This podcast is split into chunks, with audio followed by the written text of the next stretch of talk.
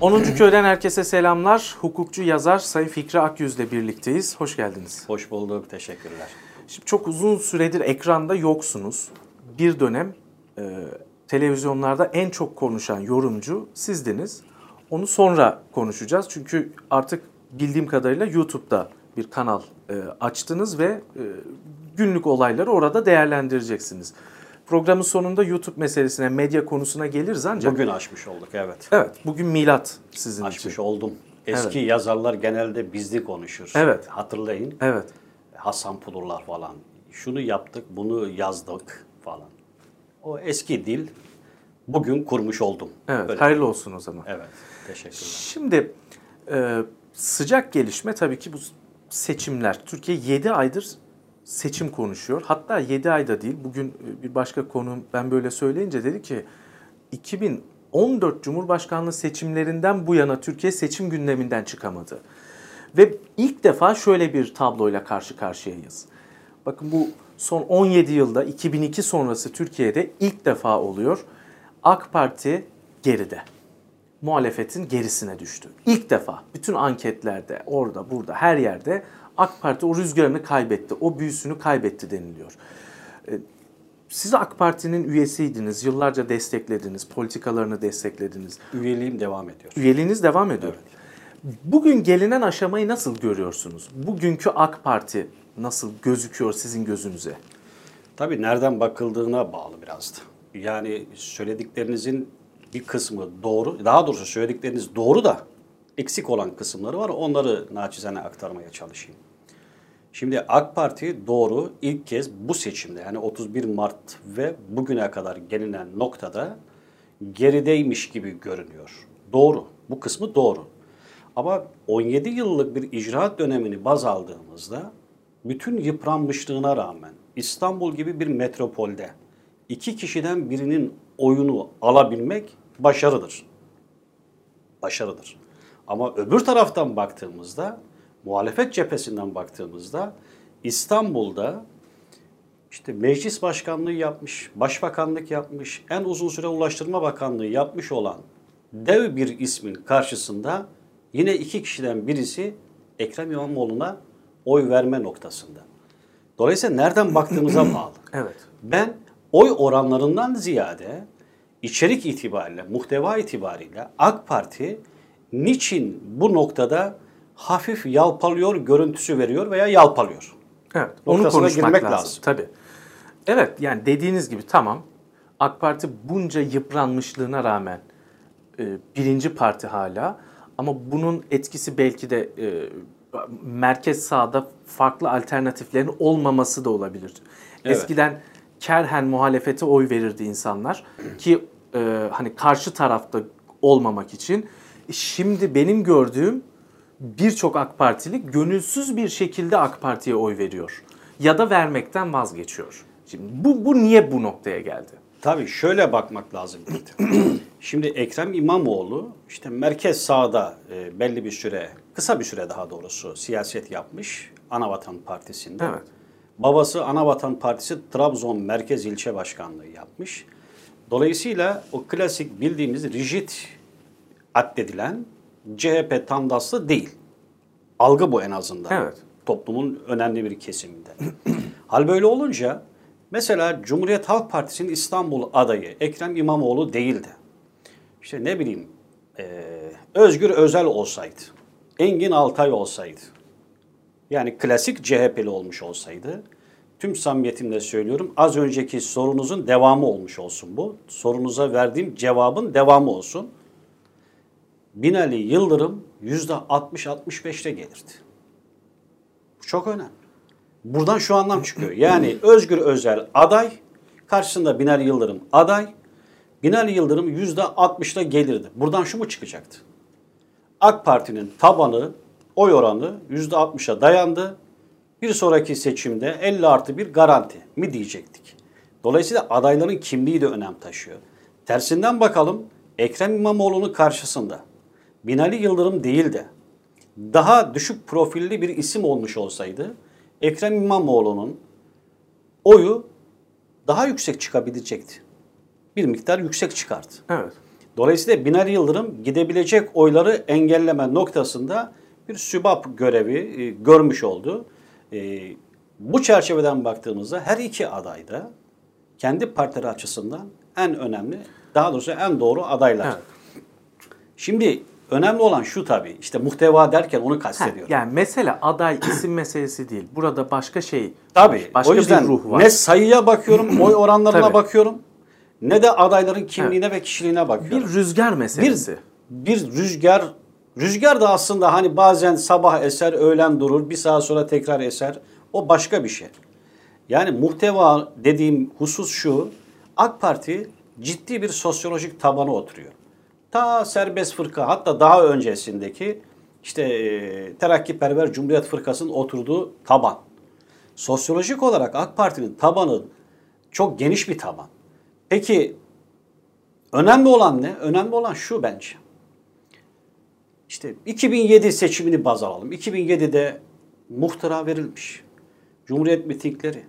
İşte akşam Genelkurmay Başkanı geceliğin bir muhtıra veriyor. Sabahleyin Anayasa Mahkemesi e, 367'den dolayı bir karar veriyor. Böylesine kaotik bir zeminde AK Parti tabanı sandığa koşa koşa gitti. Evet. Ve anayasayı Sabah değiştirecek gücü verdi AK Tabii Parti'ye. dönem. ama koşa koşa gitti. Şu anda AK Parti'ye oy verenlerin önemli bir kısmı yine koşa koşa gidiyor. Ama koşa koşa gitmeyip kerhen oy veren insanlar da ciddi bir yekün tutuyor. Niçin kerhen veriliyor? Ha, niye? Öyle ya. Ne ne İki kaybetti? sebebi var. Ne bir, var bu taban o kadar bir zulme maruz kaldı ki geçmişte Cumhuriyet Halk Partisi'nin temsil ettiği bir e, idari yönetim, idari metot vardı. Askeri vesayeti önceler veya buna ses çıkarmayan bir Cumhuriyet Halk Partisi, işte Çapa Tıp Fakültesi'nin işte 5. sınıfında okuyan bir kızı, bir kızın okuldan atılmasını hem sağlayan veya sağlayanlara ses etmeyen bir Cumhuriyet Halk Partisi idi. İşte bu kesim, bu taban o kadar eza gördü, o kadar zulme maruz kaldı ki Cumhuriyet Halk Partisi'ni kabullenmiyor. Kabullenmeyecekti. Çünkü Türkiye son yüzyılı baz alırsak iki ayrı sosyolojik tabana özellikle oturuyor. Bu birinci unsur. Yani Cumhuriyet Halk Partisi'ni kabullenememiş olması. Hafızalarda duruyor çünkü. Ama yeni nesil bunları çok Yeni iyi nesile, yeni Yani nesil CHP ayrı. korkusu yok. Şüphesiz Ben o yeni nesile gördüm. geleceğim. Muhafazakar bir ailenin CHP'ye oy veren çocuklarını çok gördüm. Ben de çok gördüm. Evet. Artık o İşte ona yok. gelecektim. Bu birinci unsur böyle. İkinci unsur AK Parti geçmişte eleştirmiş olduğu bazı hususları bizatihi tatbik ediyor bazılarını. Bazılarını tatbik ediyor, görüntüsü veriyor. Ve bunu yaparken eee, nasıl söyleyelim Nasıl olsa ben 16 yıldır, 17 yıldır kaç seçim oldu? 13-14 seçim oldu herhalde to- toplamda. Toplamda 2002 sonrası. Bunların hepsinden birinci çıktım. Nasıl olsa bir itiraz vaki olmuyor diye bir rehavete kapıldı. Kapılıyor ve kapılmaya devam ediyor. Heh. Birinci Bu sebepler. kerhen gidişin bir sebebi. Yani insanlar tamam ben e, memnun değilim AK Parti'nin bazı icraatlarından ama elimde CHP'ye gitmiyor diyor. Ama Türkiye'nin sosyolojisi öylesine bir değişim gösterdi ki işte bakın şöyle bir mukayese yapalım. İsmail Küçükkaya 2-3 gündür otel görüntüleri tartışıyor değil mi İsmail Evet. Küçükkaya? Evet. Mevzu ne orada? Ekrem İsmail İmamoğlu Küçükoğlu. Küçükkaya Ekrem İmamoğlu'yla gizlice görüştü mü görüşmedi mi? Evet. Görüştü dedi. Soruları verdi vermedi falan. Evet, soru bu. Konu bu. Evet. Şunu kabul edemiyorlar veya etmek istemiyorlar bazı AK Partililer. Ekrem İmamoğlu'nu destekleyen ittifak üyelerinden birisi kim? Meral Akşener'in genel başkanı olduğu İyi Parti. Evet. İttifak sözleşmesi var. Ama haricen desteğini beyan eden HDP. HDP. HDP ne? PKK'nın uzantısı denilir değil mi? Deniliyor. Öyle. Deniliyor. Evet. En azından. İyi Parti ne? Meral Akşener kim? MHP'nin içinden çıkmış. 2000 pardon 96 Kasım'ında Mehmet Ağar'dan sonra Refah Yolu hükümetinde İçişleri Bakanlığı yapmış olan, susurluk patlak verdikten sonra İçişleri Bakanlığı yapmış olan, o dönemde hem HDP tabanının hem CHP tabanının şiddetle karşı çıktığı bir kişiydi. Evet. Değil mi? Radikal Gazetesi'nin hatırlayın o günkü yayınları. Evet. Ama bugün Gladio'nun ittifak. temsilcisi denirdi. Evet. Ama bugün ittifak hali. Ama kim diyordu bunu tekrar ediyorum. CHP tabanında böyle diyordu. HDP tabanında böyle. Gerçi bugün Doğu Perinçek de Gladio'nun kraliçesi diyor Sayın Meral Akşener'e ama. Ama Perinçek en azından bu ittifakın içinde değil. Evet değil. Şunu demek istiyorum. İsmail Küçükkaya nasıl bir bağlantı kurmaya e, Evet. çalıştığımı İhsar için söylüyorum. İsmail Küçük pardon Ekrem İmamoğlu İsmail Küçükkaya ile gizlice görüştü. Yahu Ekrem İmamoğlu Abdullah Öcalan'la gizlice görüştüğü İmamoğlu'nun gizlice görüştüğü ortaya çıksa bile böyle bir haber çıksa bile İyi Parti tabanından bir tane fire verilmeyeceğini idrak edemiyorlar. Evet. Bırak Küçükkaya ile görüşmesini. Böylesine kemikleşmiş bir e, yapı oluştu. Heh, o onu bozamıyor. Bu yapı İktidar. nasıl oluştu? Şimdi- Öyle ya. Yani milliyetçi bir adam HDP'nin destek verdiği adama Ekrem İmamoğlu'na Sadece HDP de değil mesela PKK'nın yöneticisi TKP'de en Bese. Hozat. tabii Bile İmamoğlu'na oy verin çağrısı Partisi de adayını geri çekti. Evet. Yani birleşmeyecek kişiler birleşebildi. Siz daha o otelde görüştü mü, görüşmedi mi? Bunlar Sebebini söyleyeyim mi? tali mevzular, sufli mevzular. Sebebini söyleyeyim mi? Buradaki psikoloji biz Erdoğan'dan kurtulalım da nasıl olursa olsun psikolojisi. Yani o yüzden bu seçim bir İstanbul seçimi değil. Bakın bugün Sabah gazetesinin Ankara temsilcisi Okan Müderrisoğlu köşesinden Abdullah Öcalan'a yardım çağrısında bulundu. Öcalan'a ya seçimleri boykot edin şeklinde bir talebini iletti. Tamam. Şimdi bu da MHP'lileri rahatsız etmiyor. Tam onu Ya söyleyecektim. da ediyor ama sesini çıkarmıyorlar. Mantıken az önce Değil mi? söyledik ya tabii Cumhur İttifakı pardon Millet İttifakı'nda yani CHP İyi Parti İttifakı'nda İmamoğlu Abdullah Öcalan'la görüştüğü ortaya çıksa bile İyi Partili rahatsız etmeyecek. etmiyor, etmeyecek. Evet. Ama Diyarbakır'da Binali Bey PKK. PKK dedi mesela, Kürdistan dedi. MHP'den bir tane fire oldu mu? Yok, hayır. Olmaz. Sorun nerede o zaman? Aslında eee, toplumu belli noktalarda uzlaştırma noktasında sosyolojik olarak insanların bir araya gelmesi, empati yeteneğinin gelişmesi güzel bir şey. Evet, eski kavgaları Ama bırakması. bir de siyasal strateji olarak baktığımızda 48'e 48. Arada 4 puan var. 4 puanlık bir kitle var. Bu 4 puanlık kitleye nasıl hitap edilir?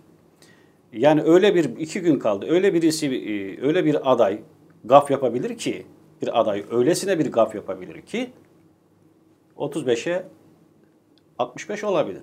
Tersi de mümkün.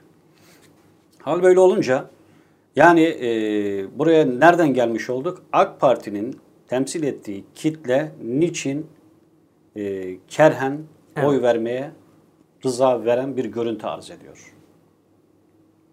İşte dediğim gibi bir takım uygulamalara baktığında AK Parti'nin 2002 ve 2014 yılları arasında özellikle e, biliyorsunuz 2000 hatırlayacaksınız 2013 Aralık yani 17-25 Evet. 2013'tü.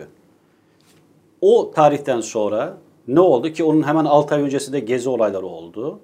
2003 Haziran diyelim. Tamam. 2003 3 Haziran'ından sonra öylesine gelişmeler baş gösterdi. 2013 ki- Haziran. 3 mi dedim ben? 2013 Evet, tabii. evet. 2013, Gezi sonrası. Gezi sonrası. 2013 Haziran'ından sonra bir takım ekonomik göstergeler bazıları geri gidiyor, bazıları stabil kalıyor. Evet. Ama o günden bugüne gelindiğinde çok enteresan olaylar oldu. Gelişmeler oldu. İşte 2013 Haziran'da gezi olayı oldu. Ki bir ay öncesinde IMF'ye borç kapanmıştı.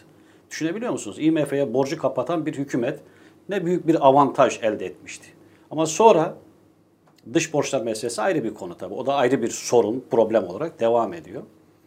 Ama onun akabinde 17-25 Aralık.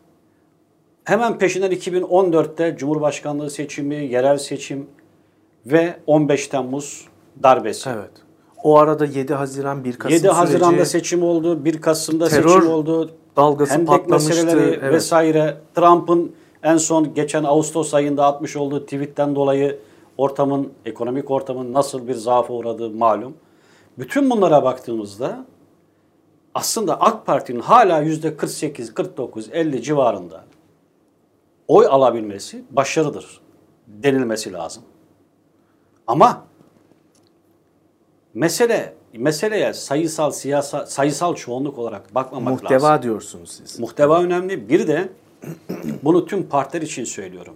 Hani e, bir söz vardır.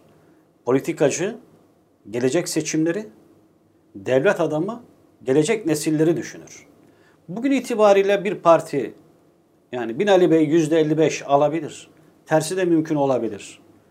Ama mühim olan gelecek nesillere neyi aktarmış olacağız? Evet. Yani gelecek nesillere aktarmamız gereken adalet duygusudur mesela.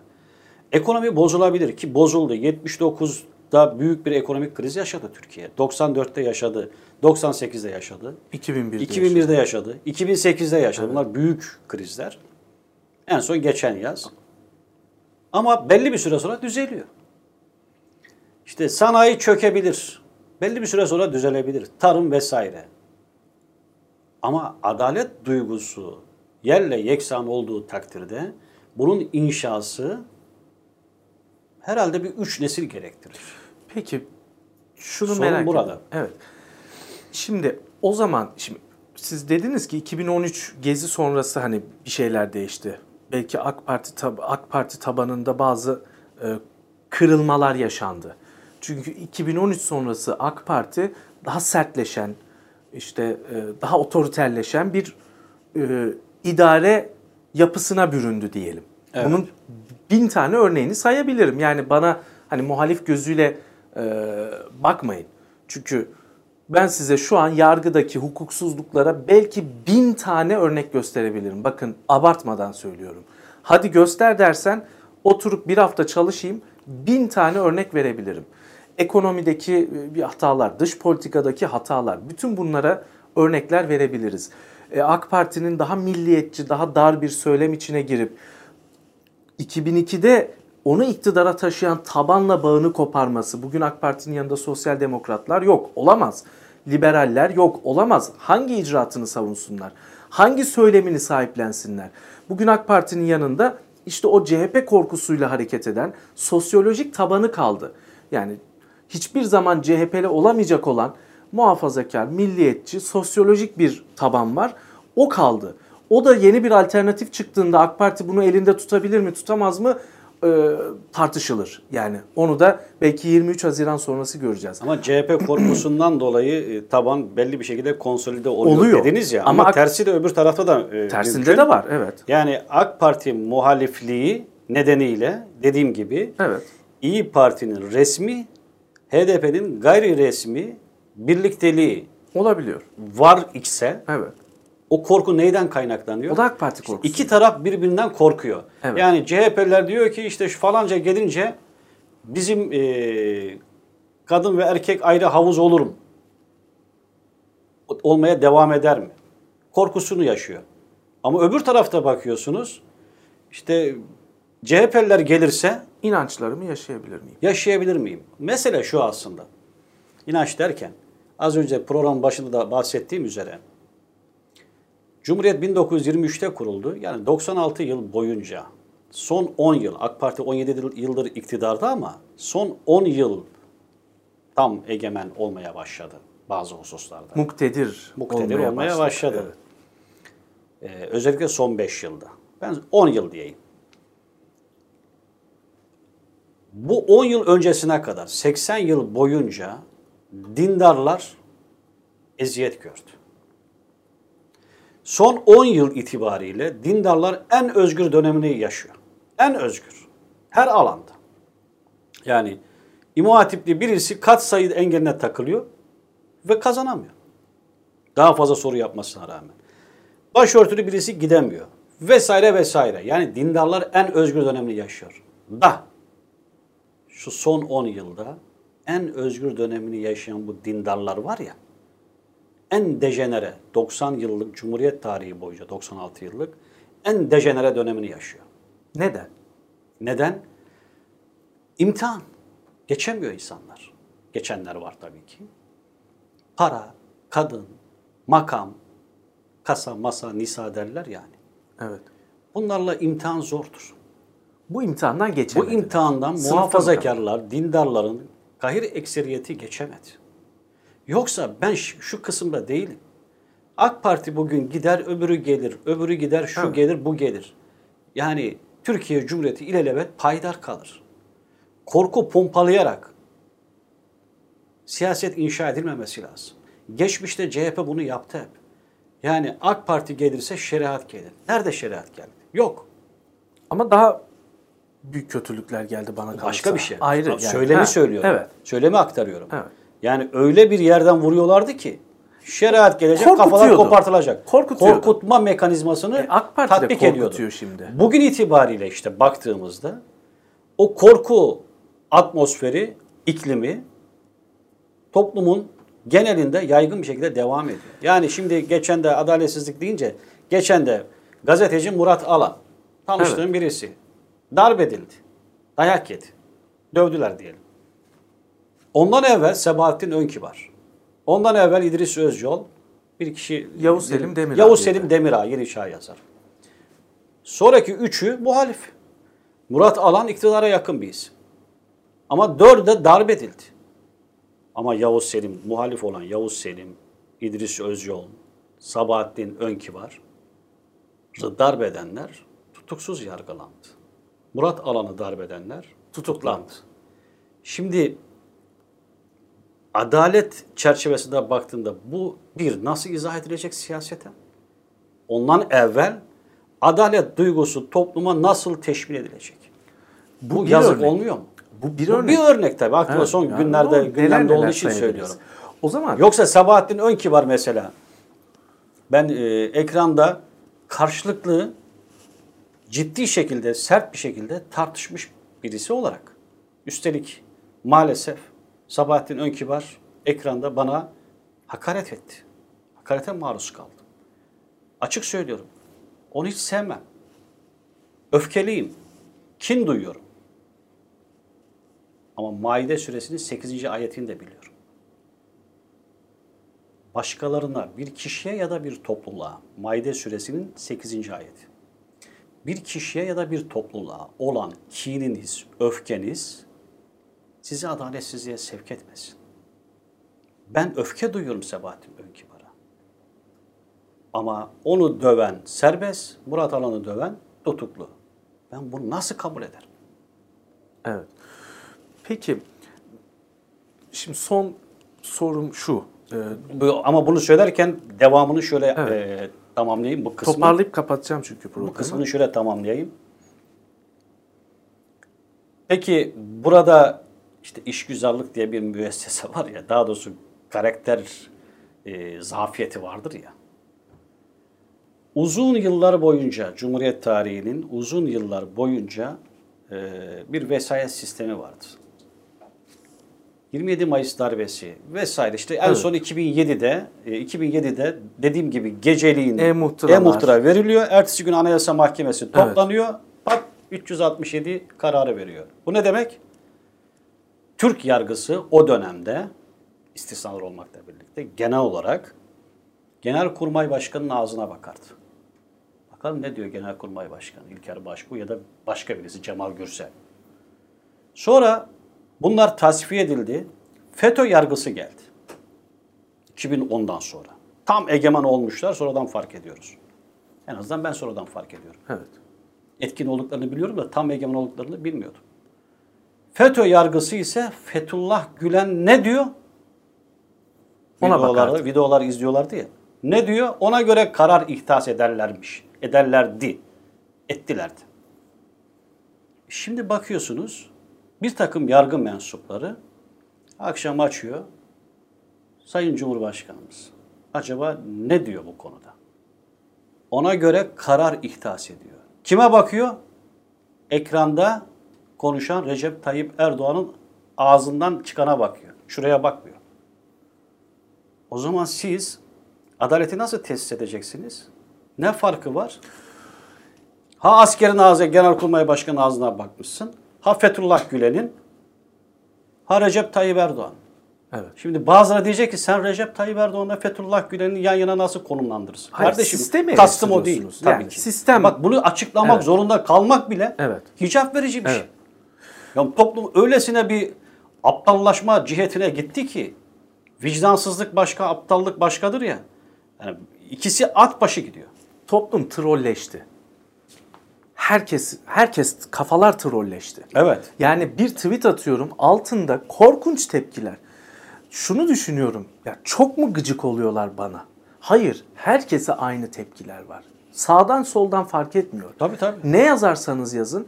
Ya şimdi şu programı yapıyorum ya. Altına gelecek Çağlar Bey şu gömleğinizin şurası çok kötü olmuş ya. Düzelt bir daha çıkma abonelikten çıkıyorum falan yaz, yazanlar var. O yüzden e, Kravat bak aklıma geldi. Evet. O toplantıda yani açık oturumda. Ya kravat Ha, onun İmamoğlu'nun maviymiş, Yıldırım'ın kırmızıymış. Onunla ilgili bir tweet de attım. Evet. Dedim burada iki şık var. Ya bunu CHP'li söylüyor ya AK Partili. AK Partili ise o kişi safi gerizekalıdır. Evet. CHP'li de tersten algı yaparak vurmak için Evet. ihtas etmiş olabilir. Şimdi dolayısıyla toplum o trolleşme dediğiniz bir zemine kayıyor, kaydı. Yani Allah şu dönemde gazetecilere, yazarlara, yorumculara sabır versin. Evet. Şimdi son 3 dakikam kaldı. Program başlığını da atalım. Ee, şöyle bir soru soracağım. Ee, Ulan, Son, so- ş- şunu da aktarabilir miyim? İşte ben şuraya kızıyorum. Kravattan aklıma geldi, çağrışım yaptı. Ya siz Marmara'yı yapmış adamlarsınız. Marmara'yı. Böylesine devasa bir hizmet. Çok büyük bir hizmet. Bunu anlatın. Avrasya Tüneli'ni anlatın. Vesaire vesaire. Yaptığınız o kadar çok iş var ki. Yapmadığınız çok işte var. Yapamadığınız çok işte var. Yapıp gözünüze, elinize gözünüze bulaştırdığınız iş de var. Hepsi ayrı ayrı. ama bari yaptıklarınızı anlatın. diyorsunuz. Yaptıkları bu kadar çok iş yaptınız ya. Evet. Çok işler yaptı. Yani bugün Genelkurmay Başkanlığı Milli Savunma Bakanlığı'na bağlı. Bak bu bir devrimdir. Ya bunlardan bahsedin. İmamoğlu'nun kravatına takılarak politika yaptığını zanneden insanlar trollerin zihniyetine teslim olmuş demektir. Son soru şu. Yıllarca AK Parti'yi de desteklediniz. Bugün eleştiriyorsunuz e, bazı noktalarda. Sosyal medyada bakıyorum tweetlerinize. Eski günleri arıyor musunuz AK Parti'nin eski günlerini? Son iki dakikam kaldı. 94 Büyükşehir Belediye Başkanlığı seçimini Sayın Cumhurbaşkanımız o dönem kazanmıştı. 94 belediyeciliği diye bir efsane var Türkiye'de. Refahlı belediyeler idi o zaman. 2002'de AK Parti kuruldu. 2002 efsanesi diye bir efsane var.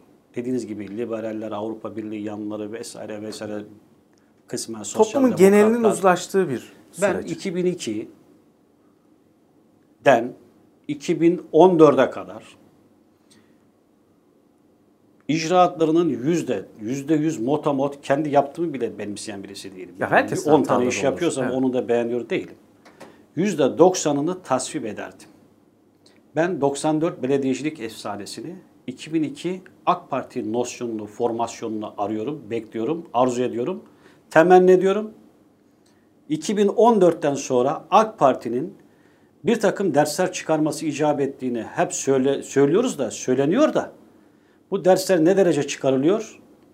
Ee, bu uzun bir e, cevap Evet. gerektirir. Özlüyorsunuz yani eski günleri. Yani ben eski Türkiye'yi özlüyorum. Nasıl yani? Eski Türkiye Eski derken Türkiye derken ne? E, 90'lı bildiniz? yıllar faili meçhuller falan? Değil işte. Koalisyon. Ben 2002, 2014 Türkiye'sini özlüyorum. Tam Fikri Eski- bir yorum. eski Türkiye Tamam bu. programın başlığını Keşke atmış eski olduk. Türkiye'ye dönsek. Evet. 2002, 2014 arasında. 2014 arası. Çok teşekkür ediyorum katıldığınız Ben için. YouTube ederim. kanalınız hayırlı olsun. Abone olsun herkes. Takip etsin Bugün ilk oradan. videomu, giriş videosunu Evet. atmış oldum. Ee, selamlama videosu. Evet. 3-5 dakikalık. Ee, bakalım Hayırlı kısmet olsun. olursa devam edecek. Çok teşekkürler. Ben Ağzınıza teşekkür sağlık. ediyorum. Sağ olun. Fikri Akyüz'le birlikteydik. Hoşça kalın. Kendisi de YouTube'da e, kanal kurdu. Abone olmayı da unutmayın. Şimdilik hoşça kalın.